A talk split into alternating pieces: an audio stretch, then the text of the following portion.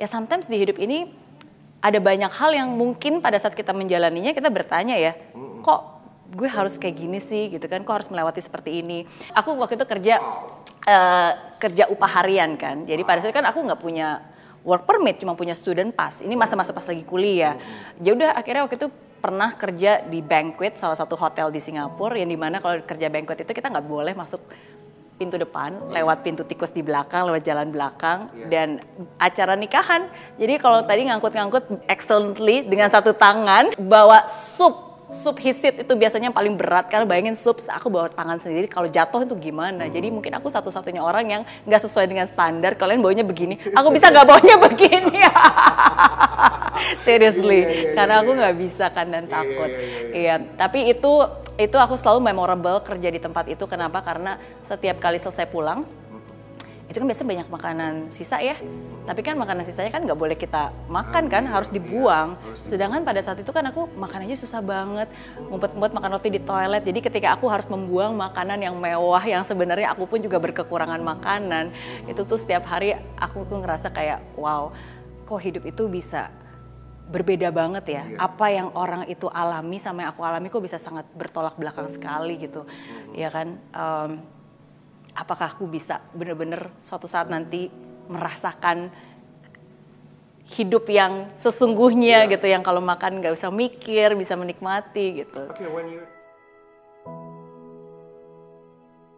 Nah sebenarnya to be honest, yang lebih memorable tuh bukan dapat satu juta dolarnya. Ketika aku bisa bayar hutang. Empat puluh ribu Singapura dolar. Itu yang sungguh-sungguh. Karena itu yang aku targetkan sebenarnya. Jadi kayak setiap hari waktu dulu ya, aku kerja keras 14 jam tiap hari nonstop tujuh hari selama seminggu. Tujuannya saya pengen bisa bayar hutang. Saya nggak pengen nyusahin orang tua karena saya pengen bener-bener sungguh-sungguh meringankan beban ini gitu.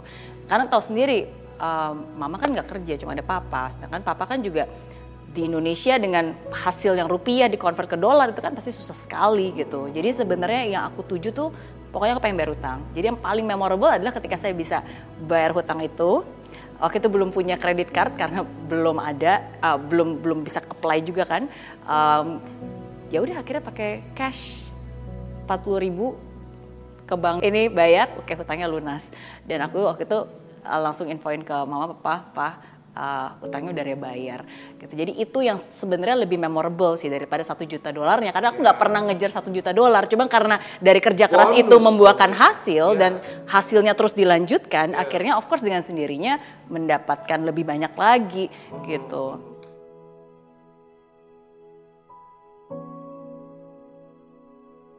Jadi berawal dari ulang tahun ke-20, Waktu itu saya pengen punya kebebasan finansial, pengen bayar hutang.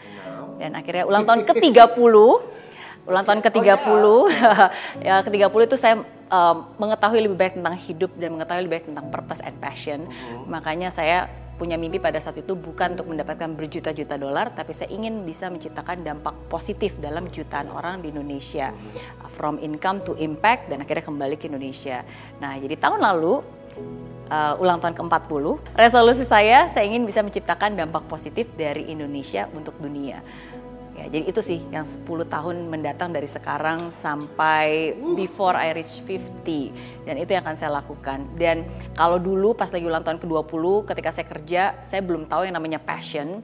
I don't know what is passion, I don't know what is my talent. Saya kerja cuma untuk pokoknya pengen bayar hutang gitu kan. Dan dan ketika umur 30 saya sudah tahu my passion, my talent, makanya sekarang umur 40 ya saya melanjutkan apa yang sudah saya impikan dan saya buat sampai hari ini ya untuk bisa skill yang lebih besar lagi. Jadi dengan menggunakan bakat dan minat saya di dunia edukasi ya untuk bisa menjadi berkat bagi lebih banyak orang lagi dan of course sekarang mungkin lebih menggunakan teknologi ya cara-cara yang kekinian lebih anak muda untuk bisa lebih scalable um, again education with technology Digital. digitally. Ya, jadi kan sekarang kita udah ada ya bersyukur kita udah ada Mary Riana event, kita bikin camp, udah ada Mary Riana Learning Center, cabang-cabang di uh, Jakarta dan juga di Surabaya. Uh, terus gara-gara pandemi kemarin kita buat Mary Riana Digital Learning. Gitu. Jadi Digital lewat digitally, lewat online gitu. Tapi saya merasa bahwa of course jangankan dunia ya, sekarang Indonesia aja belum benar-benar terjangkau ke banyak hal. Orang Mary Raleigh Center aja baru Jakarta dan Surabaya, sedangkan kan di Indonesia masih lebih banyak lagi. Apalagi internet pun juga belum semuanya benar-benar punya akses yang merata di dunia pendidikan. Dan saya percaya apa yang membuat hidup saya berubah ya ketika saya belajar kan I learn about personal development saya belajar cara saya memanage pikiran saya, saya belajar cara saya melihat hidup gitu. Jadi kalau itu mengubah hidup saya, saya yakin pastinya hal ini pun kalau diketahui oleh anak-anak remaja dan mereka belajar, mereka juga bisa mengubah hidupnya. Ya, nah jadi caranya adalah ya at least buat saya sekarang menggunakan teknologi untuk bisa ya again membuat edutech um, education through technology ya semoga dengan apa yang sekarang saya kami semua buat ini ya bisa bermanfaat dan bisa berguna nantinya. Wow. Gitu. Jadi itu sih harapannya.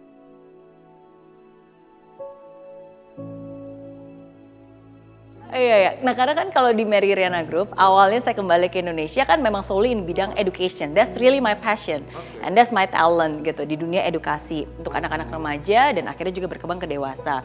Nah tapi mulai dari tahun 2020, uh, mungkin sekitar uh, dua tahun dua tahunan yang lalu lah ya, uh, kita bikin Mary Riana Venture sebelum sebelum pandemi. Berarti 2019. Ya betul. Kita ada yang namanya Mary Riana Ventures. Nah kalau Mary Riana Ventures ini adalah bagaimana uh, saya dan kita berpartner dengan para founder-founder anak-anak muda yang mereka juga punya talent dan bakat Oke, okay, nah, dan akhirnya ya uh, sama-sama menggunakan resources Mary Riana Group dan kita bikin bisnis bareng.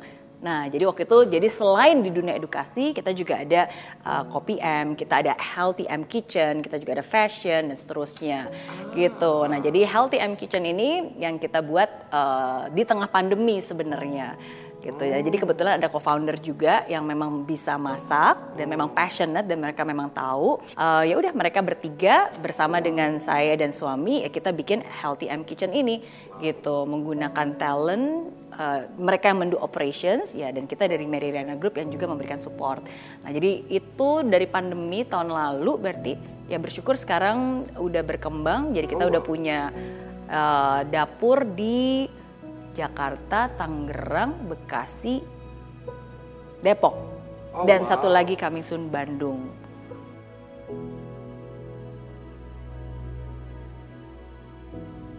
Iya, um, of course saya yakin kalau saya jawab nggak ada yang disesalkan pasti wah klise, ah emang motivator ngomongnya seperti itu. Tapi that's really is. Sometimes kadang-kadang kalau uh, kalau perasaan sesaat, sometimes kadang-kadang misalnya kayak dulu saya pernah um, ditipu sama orang yang saya percayai.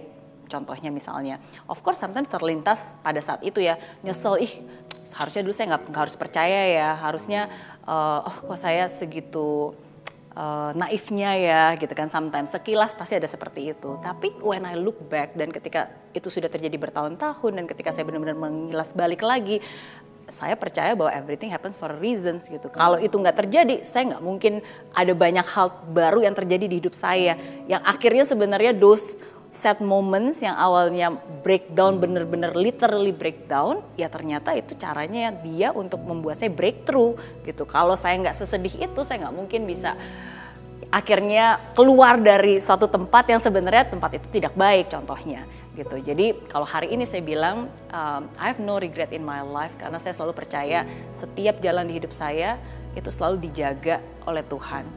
Jadi um, berprasangka baik terhadap apa yang terjadi, terhadap rencananya itu penting banget. Um, dan kalau kita berprasangka baik, berarti nggak ada yang perlu disesalkan.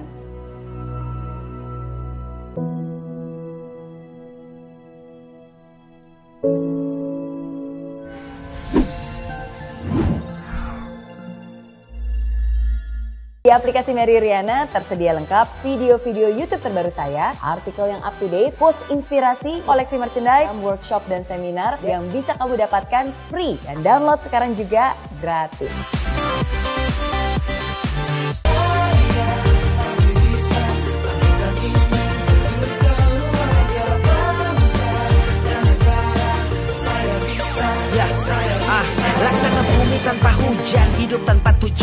Kering dan mati tanpa hijaunya tumbuhan ah. Demikian kalau mimpi tak kunjung terjadi